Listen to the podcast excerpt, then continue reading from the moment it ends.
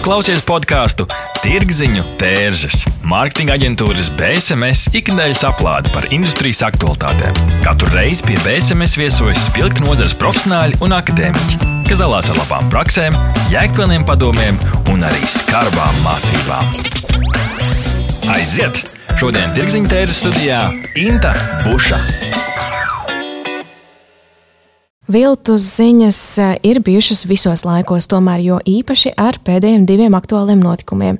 2020. gadā pandēmijas sākumā un 2022. gadā dēļ Krievijas iebrukuma Ukrainā. Ikdienas mēs dzirdam, redzam un lasam ziņas dažādos mēdīju kanālos, iegūstam informāciju arī no paziņām un draugiem. Sociālajie mēdīji ir pārpildīti ar video un foto, un jebkurš sociālo tīklu lietotājs var būt un bieži arī ir satura veidotājs. Ar šo savu sakotāju piešķirto varu var veidot saturu gan atbildīgi, gan ar netik labiem nodomiem. Kad katrs grib būt žurnālists, tāds ir šīs tirgziņu tērzes epizodes nosaukums, un pie manis viesos ir Linda Saulīta, mēdīju aģentūras Densu Latvija vadītāja un Ingus Bērziņš, Delfi mēdīju grupas galvenais redaktors. Sveiki! Sveiki! Labrīt! Man uzreiz pirmais jautājums jums ir. Kā cilvēki vispār patērē mēdīju saturu, un vai dēļ maniem pieminētiem diviem notikumiem ir kaut kas mainījies mēdīju satura patēriņā? Viltu ziņu fenomens un dezinformācijas apkarošana kā tāda karsta tēma mēdīju pētnieku tajās tekstos un, un, un, un interesu sfērā sākās jau vēl drusku ātrāk pirms pandēmijas. Jā. Jo pēkšņi vajadzēja izskaidrot to, kāpēc, lai gan um, pamatplūsmas mēdīji daudzās valstīs ir bijuši nu, tādi demokrātijas sardzē stāvoši un uh, cilvēkus izglītojoši par racionālām izvēlēm. Tomēr tika ie, ie, ievēlēts Trumps un uh, Lielbritānija uztaisīja Brexit. Nu, faktiski fake news ir kopš tā 16. gada satraucošajiem notikumiem. Tas karstais, karstais stilīgais vārdiņš, kuru visi apviļā. Uh, Un uh, loģiski, ka jo vairāk to pēta, jo pie dažādākiem secinājumiem nonāk. Un es kaut kā sliecos pie tās pašas nometnes uh, pieturēties, kura saka, ka nu, nekas šausmīgāks jau pēdējās piecos, septiņos gados neiezīmējis, kā tas ir bijis kopš pasaules sākuma. Vienmēr strateģiskajā komunikācijā ir bijis svarīgi uz kaimiņu hercogistas tirgus laukumu nosūtīt kādu, kurš kaut ko samelo, mm -hmm. vai sētu vai nu paniku, vai nepareizu informāciju par to, uz kuru pusi jāiet armijai. Ja? Uh, protams, ka mēs to redzam daudz vairāk, tāpēc ka sociālajos tīklos ir jebkurš. Bet nu, man gribētos domāt, ka tāda kopējā ietekme, kopējais svars viltus informācijai uz to, kā sabiedrība attīstās. Tagad es nerunāju par totalitāriem režīmiem. Mm -hmm. ja, nu, teiksim, Šī gadījumā mēs neanalizējam to, kas notiek piemēram Kremļa propagandas mēdījos. Ja? Bet tādās vairāk vai mazāk demokrātiskās sabiedrībās tas kopējais viltu ziņu svars, nu, ne, ne, ne, man ir vismaz tāda liela cerība, ka neietekmēs to mm, sabiedrības vai pasaules virzību uz kaut kādu destruktīvo pusi. Mm -hmm, bet kāpēc vispār rodas uh, viltus ziņas? Jūsuprāt? Es nezinu, papildinot, varbūt Ingus arī. Mm -hmm. nu, protams, ka mēdīju vidē dēļ digitalizācijas pēdējos gados, nu, desmit vairāk, ir notikušas nu, fundamentālas pārmaiņas, kā mēs vispār patērējam saturu un arī ziņas. Jā. Ja mēs atceramies kādreiz, tie, kas atcerās, Mums bija ļoti brīdis, mēs ieslēdzām televizoru, lasījām avīzi, nu vienalga. Šobrīd saturs tiek patērēts ļoti sadrumstalots ar daudzām platformām, ļoti daudzos īsos brīžos. Um, daudz pētnieku arī redz un saka, un arī tas varētu būt iemesls vilnas ziņas popularitātei, ja tā varētu teikt, kad tieši šīs multiplatformu patēriņš patiesībā pazaudē asociācijas ar ziņu avotu tātad, eh, ar mēdīju zīmolu. Un, eh, un tas ļauj un tas iedod to vidi, kurā šīs eh, propaganda un fake news um, nu, tāda labvēlīga vide, kurā tas izplatīties. Nu, tā, tas mm -hmm. ir mhm. viens no tādiem aspektiem, kā mainās tas, kā mēs vispār patērējam, uztveram un arī, un arī padodam tālāk dažādu veidu informāciju. Iegūlējot par to, kādiem medijiem vislabāk cilvēki uzticas, pēc Latvijas fakta arī veiktā mediju pratība pētījuma, tad par medijiem, Linda, ko tu sāki uzticas visvairāk LTV, Latvijas Rādio, TV3, Delfi, LSMM un TVNet. Bet tāpat tā sadrumstalotība ir jūtama arī Delfi pusē, vai jūs jūtat, ka cilvēki izm, patērē Delfi saturu un vēl viņi izmanto vēl kādus desmit citus saturus? Mēdījus? Man kā nozares profesionālim jau tas būtu tikai liels prieks. Jā, tas būtu ļoti, ļoti traki, ja sabiedrība kopumā būtu tik mediju nepratīga, ka izvēlētos vienu zīmolu un ar kājām un rokām pie tā turētos un uzskatītu, ka viss, kas ir sarakstīts vai, viss, ko saka Delfi, ir vai, vai izrādīts citur, tas ir, tas ir slikti. Jā. Uh, nu, to jau mācās tādās demokrātijas mācību grāmatās, jau vidusskolas līmenī. Ka, nu, ja tu gribi būt tāds mēdīņu pratīgs un cienījams uztvert pasauli, tev jau arī senos, pirms sadrumstotības laikmetos, vajadzēja kā minimums divas avīzes izvēlēties. Nu, Guardian, lai saprastu, ko domā kreisie, un Times, lai saprastu, ko domā uh, konservatīvie vai tur mm. New York Times un, un, un, un Washington Post. Un, un tas, ka cilvēki, piemēram, nezinu, dienas laikā paskatās ziņas vai palasa kādus garākus gabalus Delfī un TVNetā un LSM, tas, ir, tas man galīgi neuztrauc no tādas konkurences viedokļa. Tas tikai liecina par to, ka cilvēki skatās to informāciju un, no dažādiem avotiem un mēģina saprast, analizēt, ko tas viņiem var noderēt. Cits jautājums, ja pie tiem nezinu, desmit mēdījiem, kā tika teikt, ir arī nu, dažādi, dažādi sociālie tīkli, Jā. kuros ir dažāda nepārbaudīta informācija. Nu, tur atkal es teiktu, ka Arī tas ir forši, ja cilvēks uh, meklē to informāciju. Sliktāk būtu, ja viņš nemeklētu nemaz. Jā. Un, uh, jā, informācijas iegūšana sociālos tīklos, šajā informācijas patēriņā tam cilvēkam ir kopā ar mm, ziņu mēdījiem.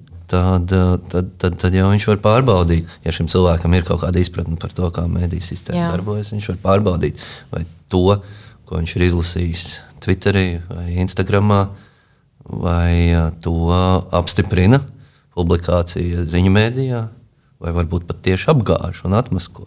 Liekas, te ir viens ļoti būtisks moments, ka aizvien vairāk auditoriju mēdīju, īpaši jaunā, viņi nemeklē ziņas, ne informāciju. Viņi atnāk pie šīs auditorijas caur sociālajiem tīkliem.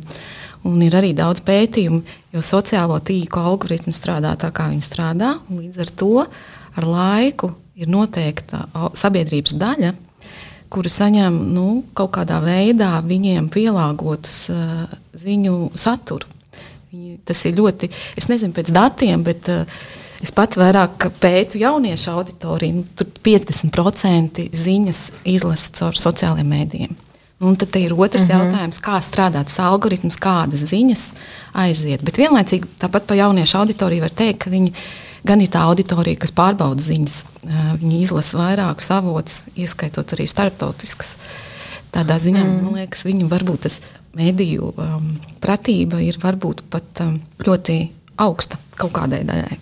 Nu, mēs noteikti, es teiktu, varam runāt par Delfu, bet es domāju, ka es runāju vēl dažu tehnoloģiski progresīvāko Latvijas mēdīju vārdā. Mēs šo Līnas iezīmēto tendenci ļoti rūpīgi vērojam un apsaimniekojam. Es pat gribētu izmantot tādu vārdu, jo uh, mūsu video raidījumi gan par uh, politiku, gan par sportu, gan par kultūru, par ārzemju ziņām portālā Delphi uh, izvietoti savāds nelielāka auditorija nekā tas ir pēc tam Facebookā, YouTube, TikTokā. Un, uh, mēs tiešām pirms dažiem gadiem salauzām to domāšanu, ka tas um, lietotājs noteikti ir jāatvilina līdz mūsu lapai. Un uh, šobrīd faktiski to saturu veidojam tikai tā uh, multiplatformiski, un uh, tam ir arī, nu, manuprāt, diezgan, diezgan laba atdeve gan mums, kā auditorijas atradējiem, gan sabiedrībai kopumā, ja viņi to mūsu sagatavoto saturu starp to pārējo TikTok, mm -hmm. TikTok saturu redz un izvēlās. Un rādītāji tiešām ir ļoti iepriecinoši, cik daudz tieši mūsu saturs tiek patērēts. Un, nu jā, tad droši vien tas sociālā tīkla algoritms viņiem piedāvā visu kaut ko, bet ir gana daudz to lietotāju, kas uh, izvēlas arī šo žurnālistisko saturu. Es tieši gribēju teikt, ka laikam tā problēma sākas tur, kur uh, ka nevis eh, tiek dažādas platformas izmantotas, bet tajā brīdī, kad cilvēks vienkārši paļaujas tikai uz kādu sociālo tīklu un uz algoritmu, vienalga, ko tas viņam dod. Jo ir arī atšķirība, vai ne? Ingus, ka seko, pieņemsim, Delphi akkontam Facebook un iegūst saturu no turienes vai no kāda cita avota, vai nu, skatās, ko draugi nošēro. Un tas var būt jebkas. Un tur var būt arī viltu ziņas. Nē, nu, protams, bet man liekas, ka tādai nu, es vismaz tā ceru, ka tādam pilnas, pilnasenīgam jaunam pilsonim viņam jau vajadzētu izveidoties uh, kaut kādai tādai spējai brīvi ņemt tās iespējas, ko tas sociālais tīkls dod. Nav jau nekas slikts, ja draugs kaut ko interesantu arī parāda. Ja? Viņam jau nav jākļūst par cilvēku, kurš izvēlas nezinu, būt TikTokā tikai tāpēc, ka viņš grib piesakoties TV vai dēls. Bet runājot par ziņu faktoloģisko patiesību, tad pēc datiem, ko mēs ar Norstatu veicām šī gada sākumā, uzdodot jautājumu, vai jūs praktizējat ziņu pārbaudi, principā puse saka jā. Tad, tad puse pārbauda ziņas, otra puse nepārbauda. Mēs runājam par visu Latvijas eh, kopējo eh, sabiedrību. Ah, jums arī ir taisnība, ka vairāk, eh, biežāk jaunieši pārbauda informāciju, retāk vecāku gadu gājumu cilvēku, un tur tā korelācija. Bet, ka, ko es vēl vēlos šeit piebilst, ka katrs piektais ir kādreiz dalījies ar ziņu, kas ir fake news vai neīsta, tad, tad nav patiesa bijusi. Un nu, daļa no tiem ir diezgan bieži tie ir 2% un 19% saka dažreiz. Kā jūs skatāties uz šo? Jo tad atkal, Ingas, ja, ja esi Facebook, ja kāds mūsu klausītājs teiktu Facebook, viņš domā, jā, vai es esmu vai neesmu nošērojis kādu fake news, pirmkārt saprast pašam to. Tas ir viens aspekts, gan sev, priekš sevis, gan novērtēt šo ziņas patiesību, gan arī izvērtēt, ko tālāk ar šo darīt. Tad ir tomēr tāda daļa cilvēku, kas uh, dalās ar ziņām. Mēs nevaram paļauties tikai uz sociālajiem tīkliem un algoritmu un teikt, ok, that's, that's, a, that's fine. es, es turpināšu šorīt to optimistu pozīciju. Man liekas, ka tas ļoti ja optimistisks. Mēs, ja mēs uh, saliktu šos, uh, nu, ja mēs tagad pamēģinātu sīkāk papētīt to, to apjomu, kur tu tikko minēji, kuri ir šādi dalījušies, ja, tad viena daļa noteikti Tur ir no, negl neglābjami ticētāji tam, ka jāparādās posts par to, ka zeme ir plakana vai virpuļu ūdens spēja izglābt tevi no vēža. Un, uh, viņi tā arī izturās, praktizējot pārējās demokrātijas prakses. Viņi iet uz attiecīgajiem dusmīgajiem piketiem, viņi vēlē par attiecīgajām populistu partiju. Un man liekas, tad, un mēs arī beigās redzam, ka viņi apmēram ik pēc četriem gadiem apmēram 16 saimnes deputātus dabū. Pārējie līdz tiem, cik tur 25, 26%, man liekas, ir tie, kuriem nodreb roka ik pa laikam uz pilnīgi cilvēciskiem gājieniem. Ja, tur sabombardēts Ukrajinā tik un tik. Ja, un beigās izrādās, ka nebija ne tur tik bombardēts, ne tas tika bombardēts, bet nu, tev ir tā iekšējā cilvēciskā sajūta, ka es gribu ātri pateikt draugiem un paziņām, ka es jau šito zinu. Un, pat vēl vairāk. Nu, es pats neko nešēroju sociālos tīklos, bet es varu arī ļoti godīgi raidījumu klausītājiem atzīties, ka uh, es uh, pēdējā laikā, kopš kara, esmu vairāk kārt uh, uh, bombardējis mūsu ārzemju ziņu nodaļas redaktoru ar tekstu. Mums par šito vajag uzrakstīt, mums par šito vajag uzrakstīt. Un tad viņš mm. man tā ļoti mierīgi at, atsēdina atpakaļ un saka, pagaidi, mēs pārbaudīsim, vai tas ir pasaules mēdījos, vai mēs piezvanīsim. Uz Ukraiņu, uz Ukraiņu mūsu uh, kolēģiem, uh, žurnālistiem, ar ko mēs strādājam. Ja? Jā. Un, uh, un ļoti forši. Un tas ir brīnišķīgi. Par to mēs viņam arī naudu maksājam, lai viņš atvēsinātu šādas karstgalvis, kas vēlas, uh, lai Delfa publicē kaut ko, kas nav līdz galam pārbaudīts. Jā, es laikam arī pievienošos Ingus optimismam par to mm. cilvēku daļu, kas dalās ar tādām ziņām, jo mēs no aģentūras puses arī ļoti daudz pētām cilvēku vispār sociālo mēdīju uzvedību. Un ir tādās lielās, vai četrās vai piecās daļās mēs varam sadalīt cilvēkus. Un ir Latvijā, es teiktu, Latvija runāšu īstenībā ļoti maz procents, kuri ir cilvēki, kuri rada saturu sociālajos mēdījos, un mazliet vairāk, bet arī dominējoši ir tie, kuri šēro laiko.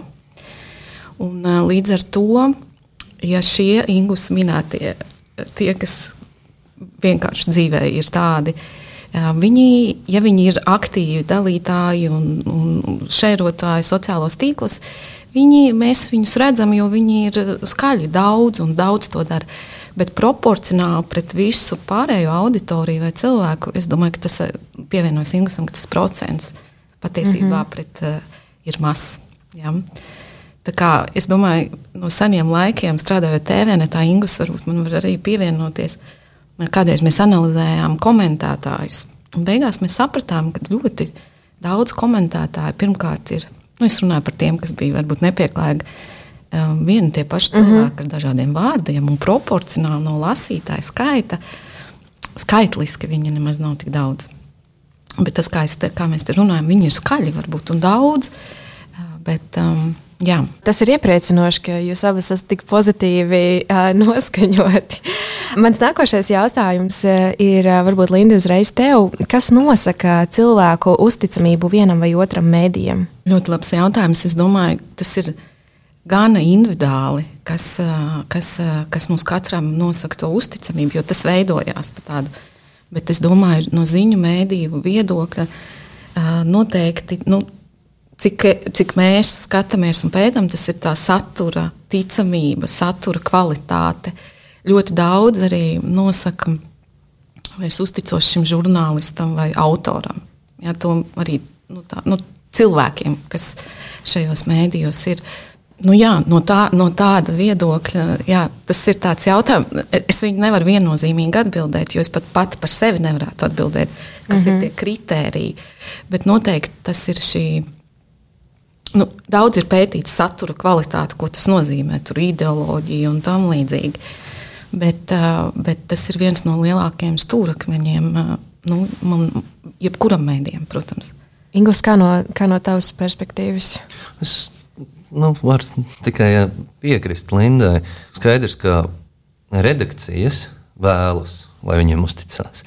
Un uh, vairāk vai mazāk apzināti vairāk vai mazāk sekojot kaut kādām teorētiskām vadlīnijām, tiek praktizēta tā laba žurnālistikas praksa, ja, kas ir vairāk avotu izmantošana, faktu pārbaude, neskaitām daudz citu sīkumu, teiksim, tematiskā atlase starp izklaidējošo un izglītojošo, ieskaitot to, cik daudz tu proporciju sev mediju tēlā dod vien, viena vai otra tipa um, informācijai.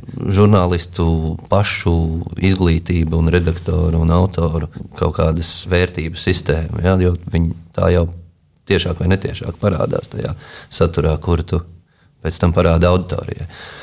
Nu, jā, un tad uh, nu, pretējā pusē ir uh, patērētājs, kuram arī droši vien ir, kurš, kurš arī savā dzīvē ir gājis cauri kaut kādai vērtību sistēmas izveidēji, Sākot ar ģimeni, pēc tam ar skolu, pēc tam ar draugiem, ar, ar, ar, ar, ar, ar, ar tiem viedokļu līderiem, nezinu, pasaules literatūrā vai kinematogrāfā, kuriem viņš uzticās. Ja? Un tad viņi tur kaut kur satiekās, un tad, tad, tad, tad, tad atkarībā no tā, ko tas patērētājs ir izdomājis, kas viņam šķiet uzticamības vērts, un atkarībā no tā, kā tas mēdījis ir pastrādājis, cik viņš žurnālistiski kvalitatīvu saturu sagatavo, nu, tad, tad, tad tur arī parādās tas, kas pēc tam dažādās aptaujās, kā, kā tajā, ko mēs šobrīd apskatām, un vēl citās, zinu, divas kultūras ministrijas pasūtītas pētījums, kur, kur, kur, kur tur Delfī ir diezgan augstās vietās, uzticamībās rādītājā, un mēs to arī rūpīgi tam sekojam, un tas ir viens no mūsu uh, mērķiem mums arī ir mediju stratēģijā ierakstīts, nu, ka mums ir jā, jā, jāstrādā trīs virzienos. Viens tas ir uh, tīra kvantitatīva popularitāte, lai, mēs, lai, lai, lai mūsu auditorija ir plaša. Otrs ir uh, kvalitāte, mm -hmm. kuru tad tu vari mērīt vai nu pēc uh, tā, cik daudz tu esi radījis, kaut kā, ietekmējis kaut ko, radījis kaut kādas ziņas, nu, tur nezinu, panācis, lai negodīga amatpersona atkāpjas vai tam līdzīgi. Balvas, nu, vai tu dabū nozares apbalvojums kaut kādas par to, ko tu attiecīgajā gadā esi darījis, un vieta šajā uzticamības aptaujā. Nu, tas mums ir kā KPIs. Jā, jā tā arī izklausās. Nu, ļoti labi. Mēs tālāk ejam uh, runāt uh, par jēgpilnu saturu, bet tikmēr mēs uh, dodamies nelielā reklāmas pauzē. Neatbildami jautājumi, sarežģīti lēmumi. Sazinies ar Norstat. Mēs palīdzēsim. Norstat. Tas ir draudzīgs servis, innovatīvi risinājumi un kvalitatīvi dati, lai to varētu pieņemt veiksmīgus, datos balstītus lēmumus. Pievienojies vairāk nekā simts Latvijas uzņēmumiem, kas uzticas vadošajam datorisinājumu nodrošinātājam Ziemeļeiropā. Mūsu mērķis ir atvieglot tavu dzīvi un ļaut pieņemt pareizus lēmumus. Norstat - vērtīgi dati svarīgiem lēmumiem. www.norstat.lv BSMS - tas ir zīmola pārdošanas un mārketinga atbalsts, stratēģijas, satura un menedžmenta pieredze kopš 1999. gada. BSMS nodrošina radošas, tradicionālas un digitālās pārdošanas veicināšanas kampaņas un konsultācijas. Apmeklē mūsu mājaslapu www.bsms.lv un uzzini vairāk! Mēs, kā nu, es strādājot arī tā mārketinga nozarē, protams, ka mēs veidojam arī saturu, dažādu saturu arī mēdījiem. Un, Linda, jautājums tev, kā arī šīs nozares ekspertei, vadot Denstu Latviju, ir kā veidot jēgpilnu saturu, bet jēgpilnu saturu, ko arī patērē. Pirmais, man liekas, ir tas, ko Ingus iepriekš minēja citā, un tas, ko arī mēs.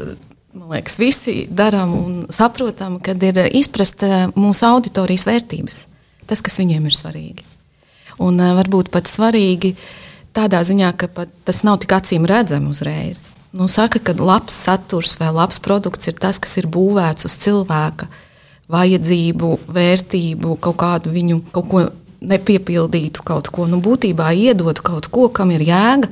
Protams, tam ir jāsakrīt arī ar tā zīmola kaut kādu jēgu un vērtību, bet tur, kur satiekās, ja mēs runājam par saturu no zīmola vai saturu no, no, no jebkā tajā brīdī, kad uh, mēs izprotam savu auditoriju un to, kas viņiem ir vajadzīgs, kas viņiem ir vērtīgs un mums ir kaut kas, ko dot, tad es domāju, tajā brīdī sākās jēgpilns saturs, kas nav balstīts, tad saturs, kas nav balstīts tikai uz kaut kādu. Nu, es nezinu, uz kaut ko, kas ir varbūt virspusējs, varbūt kaut kas tāds, ko mēs gribam tikai izstāstīt. Ja? Arī tagad mēs runājam, mūsu sarunā ir jēga tad, ja mūsu auditorijai no tā ir kāda uh, kāda vērtība. Nevis tikai, ja mēs gribam vai ka mums liekas, vai jā, ka mums liekas.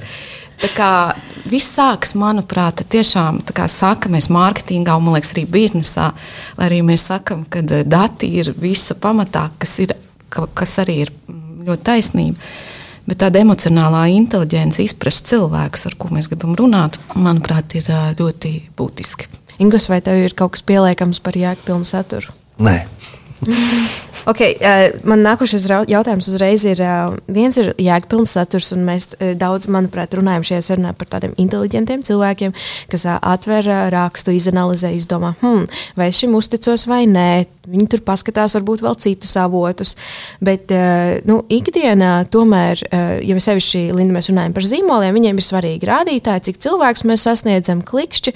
Un uh, tad vai joprojām skaļi virsrakstī atnes klikšķus un atpazīst? atpazīstamību. Linda? ir, ļoti, ir tā. Es, es, es ļoti saprotu uh, šo, bet es ļoti ceru, ka, um, ka vairs ne. Ka drīz nebūs mārketingā tā, ka svarīgi ir klikšķi vai tik, cik. Uh, es nenoliedzami kvantitāte ir būtiska. Sasniegt cilvēkus daudz, bet tā īstā proporcija salikt kopā ar to ar kvalitāti. Tas, ko mēs mēģinām, es nesaku, ka tas vienmēr izdodas. Ka kontekstam ir ārkārtīgi liela būtība. Arī tas, kur es to saturu ieraugu, vai es viņu ieraugu Delfos. Es domāju par zīmolu saturu, vai es viņu ieraugu kaut kur, kaut kādā reģionālajā avīzē. Nu, pat varbūt ne reģionālā avīzē, bet kādā citādi veidā pirktā reklāmā, kaut kur nesaistītā portālā, citā valodā, tam tiešām ir liela nozīme. Bet, uh, Tas ir tas, kas ir um, nu, nevienmēr tas ir saprotams, un kādreiz tiešām kādam vajag tikai klikšķus. Bet, um, bet es ļoti ceru, ka mēs ejam, bet eh, varbūt mēs atkal esam optimisti, inteliģenti pusē. Bet droši vien Ingus man piekritīs, ka Virsraksti droši vien. Ja mēs kaut vai paliekam tur tajā jautājuma pamatā par to, kā tad ar kvantitāti, ja, un vai tad nav forši, ja reklāmas banneri redzēs tūkstošiem cilvēku, jo viņi būs noklikšķinājuši uz, um, uz skaļa virsraksta. Man šādās reizēs, jo tā diskusija nebeidzama, protams, starp izklaidējošo un uh, izglītojošo, starp notrulinošo un audzinošo. Un, Un būtībā šādi jau var sadalīt jeb, jebko, ko mēs dzīvē, kā satura informācijas telpā redzam. Uh, man vienmēr patīk citēt klasiķu Jānu Damburu, kurš um, teica, ka brīdī, kad sākas saruna, kur kāds sūdzās, ka uh, manam žurnālistiskam saturam nav jābūt interesantam, jo viņš taču ir savs, jo viņš runā par svarīgām tēmām. Viņš būtībā ir gļēvulis, kurš uh, nemāķi uh, nodarboties interesanti ar žurnālistiku, un kuram tur nav ko meklēt. Ja? Uh, tas tā liek visu laiku aizdomāties. Es arī bieži šo tēzi paceļu sapulcēs ar kolēģiem, ka tas, ka tu neraksti par uh, nezinu, kaut kādām influenceru dzemdībām, uh, bet raksti par eh, to, ko saimē izdarīs ar atbalstu iedzīvotājiem, gaz, iedzīvotājiem gāzes cenu dēļ. Tas automātiski nenozīmē to, ka tu esi tāpēc izvēlējies tematu, kurā nav iespējams skaļš virsraksts šī vārda labākā nozīmē. Ja tu rakstot par politiku, par ekonomiku, par sociālām problēmām, ja patiešām tu no negaidīta leņķa uz to būs paskatījies. Ja tu uh, būsi ar savu žurnālistiku izpētījis kaut ko, kas uh, panāk kaut kādu rīcību valsts pārvaldē vai sabiedrības apziņā, vai tam līdzīgi, tev jau automātiski tas skaļais virsraksts tur būs. Jo tu būsi nopublicējis kaut ko, kam ir skaļš virsraksts, vārda vislabākajā nozīmē. Un tad tur arī blakus būs iespēja nogrozīt tās mm. tūksto, tūkstošiem un tūkstošiem baneru ekspozīciju, impresiju. Es varbūt ar papildinot, jā, tas, ko Ingus teica, un ir tā, ko mēs arī redzam pēc pētījumiem, datiem, ka formai, kādā mēs pasniedzam saturu, ir tikpat liela nozīme kā arī tam pašam saturam. Tas ir pievienojoties tam, ka, ja mēs rakstām par politiku ziņām, tas nenozīmē, ka tam ir uh, tiešām attaisnojums būt garlaicīgam, garam, nelasāmam. Un ir daudz diskusijas man arī bijušas ar dažādiem cilvēkiem no industrijas. Un, uh, jo jaunāka auditorija, tiešām, jo vairāk arī veids, kāds tas saturs tiek pa pasniegts, atbilstoši platformai, kurā šī auditorija lasa dažādiem formātiem un integrācijām, ir liela nozīme. Un tas, jā, tas nenozīmē, ka tikai izklaidējošais jā. saturs drīkst būt tāds, un, un tas ir tāds. Viens otru neizslēdz. Viens otru neizslēdz. Mm -hmm. Jā, šis ir interesants punkts, ko, manuprāt, ļoti svarīgi ņemt ir visiem mārketinga un komunikācijas cilvēkiem, kas pašreiz mūs klausās. Jo ik pa laikam nu, arī atnāk pie mums uzņēmums, kas grib nodot savu ziņu klausītājiem. Pirmkārt, mēs redzam, ka to neviens nelasīs. Pirmkārt, nu, pirmkārt neviens mēdījis nepaņems to, otrkārt, neviens to nelasīs. Un treškārt, tur nav tās odziņas, tur nav tā kā dziļuma tam saturam, atkal ingus, ko, ko tu saki. Un tas ir tik svarīgi tiešām paskatīties uz jautājumu no no, no dažādām uh, pusēm un tiešām atrast to esenci. Un šajā sakarā es arī izvilku ārā no sava grāmatu plaukta tādu uh, Latvijas uh, pārskatu par tautas attīstību, saucas dzīves meistarību un informāciju pratība. Un, uh, tur uh, pētnieks, uh, informācijas zinātnieks Sovalainens uh, runā par uh, dzīves meistarību un uh, informāciju pratību. Un es gribēju arī nolasīt uh, nelielu tādu citātu, ko viņš saka tā, ka, jā, ka tā, dzīves meistarība, un ko mēs saprotam, dzīves kvalitāti, to starp arī ļoti nozīmīga loma ir informācijas ieguvēji, novērtēšanai un lietošanas prasmēm, respektīvi informāciju pratībai, un viņa prāt tas ietekmē uh, dzīves kvalitāti. Tad šis zinātnieks uzsver, ka dzīves uh, pratība principā ar informāciju pratību iet roku uh, rokā. Un, ja cilvēks mācīs analizēt informāciju, un lasīt un, un uztvert, tad viņa dzīves kvalitāte arī uh, palielināsies. Ļoti, manuprāt, tāda interesanta atziņa. Un, ja mēs šeit jūs ļoti pozitīvi izsakaties par daļu no Latvijas sabiedrības, tad tas izklausās arī roku rokā, vai ne? Tad tie cilvēki, kuriem ir augstāks dzīves līmenis, ka viņi, nu, vajadzētu būt, ka viņi informāciju uztver arī labāk, kā jūs redzat to savā pusē, vai ne obligāti? Ja es, varētu, es domāju, ka tas ir ārkārtīgi saistīts ar, um, es nezinu, vai tas būs populāri teikt, ar izglītību. Jo jebkura izglītība, augstākā bakalaura, maģistra, vienalga kāda, viņa jau, protams, ir par zināšanām, bet ļoti daudz izglītība ir par spēju redzēt, dzirdēt, analizēt informāciju, kritiski apskatīties, izvilkt esenci no lietām. Principā pavērt tādu plašu uh, daudz plašāku skatu uz pasauli, kas nav balts, melns, ir dažādas krāsas, spēja, nu, tā saucamā mentālā veiklība vai spēja pieņemt dažādo, spēja redzēt dažādu, mm -hmm. analizēt. Tas ir tieši par to, tāpēc es domāju, ka um, patiesībā tas viss sākās ar izglītību šī vārda plašā nozīmē, kas mums iedod šo informācijas pratību un līdz ar to arī to dzīves kvalitāti. Kā mēs viņu lietojam, vai mēs kļūstam nezinu, labi nodrošināti, vai mēs kļūstam brīvi, ceļojam pa pasauli, šķērsojam okeānus, tas ir cits jautājums. Tā kā es domāju, varbūt dzīves kvalitāte tādā labklājības vai tādā, tas nebūtu kritērijs. Es vairāk teiktu par tādu izglītību, inteliģences ziņā varbūt ne mm -hmm. formālu izglītību. Mm -hmm. Jo šeit ir atkal uzreiz jau, es jau pilnīgi dzirdu fonā diskusijas par izglītību TikTokā un YouTube un tā tālāk. Bet jā, es saprotu tavu domu. Ingus? Nu, arī pievienojos visam, ko Linda teica.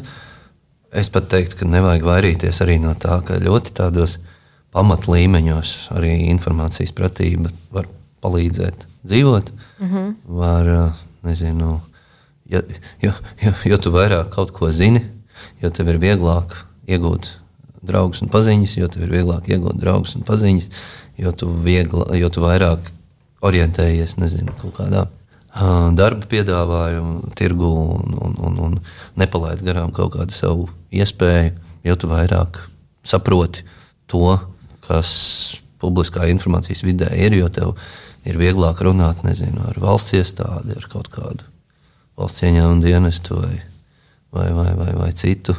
Un, nezinu, nu, tu, tev, tu vari atrisināt situācijas, kuras citos gadījumos varbūt tev šķist, ka tev pasaule uzbruk un vienīgais veids ir apvainoties un aizmukt mežā.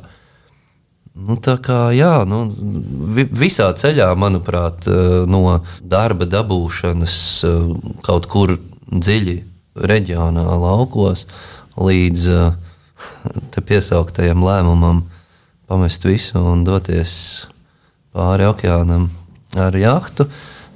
Visā šajā informācija pratība stāv kā tāda liela mamma blakus. Lēnām jau finišējot mūsu epizodes, vēlos jums jautāt šādu jautājumu, kāda ir iesaistīto, visu iesaistīto pušu, un to ir diezgan daudz, atbildība veidojot gan kvalitatīvu, jēgpilnu, gan arī uzticamu saturu.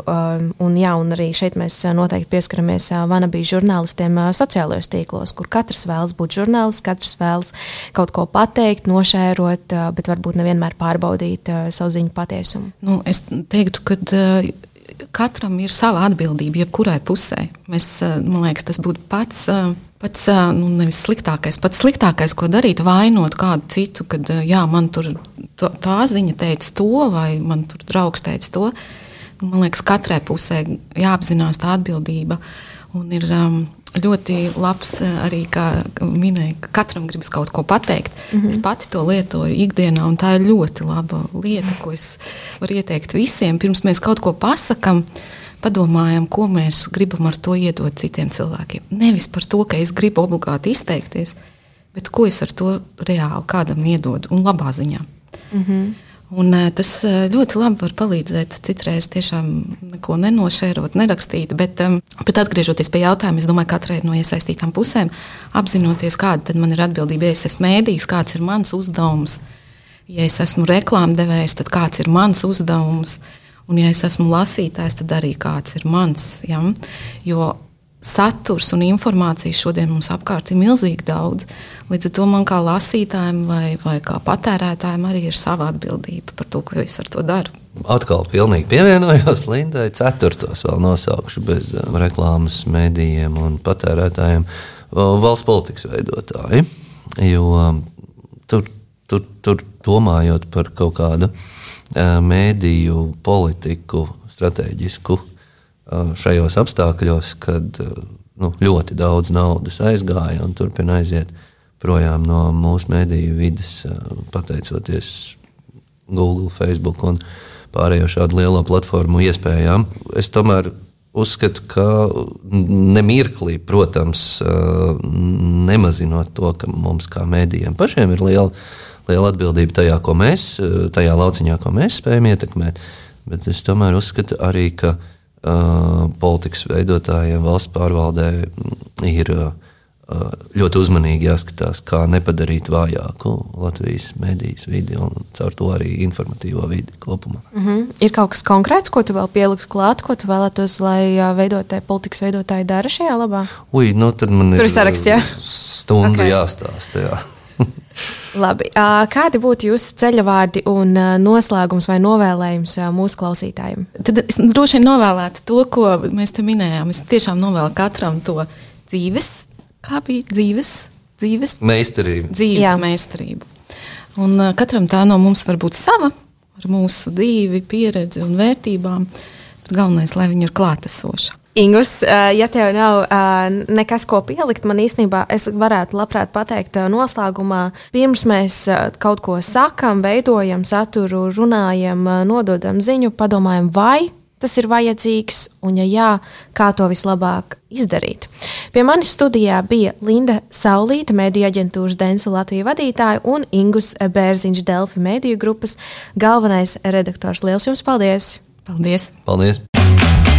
Paldies, ka klausījāties BSMS podkāstu Tirziņu tērzes. Aplādi ar labām praktiskām, jēgpilniem padomiem un skarbām mācībām. Patika epizode? Dalies sociālajos medijos, ir idejas tēmām vai viesiem? Raksti mums! Tās bija Tirziņu tērzes. Tiekamies nākamnedēļ!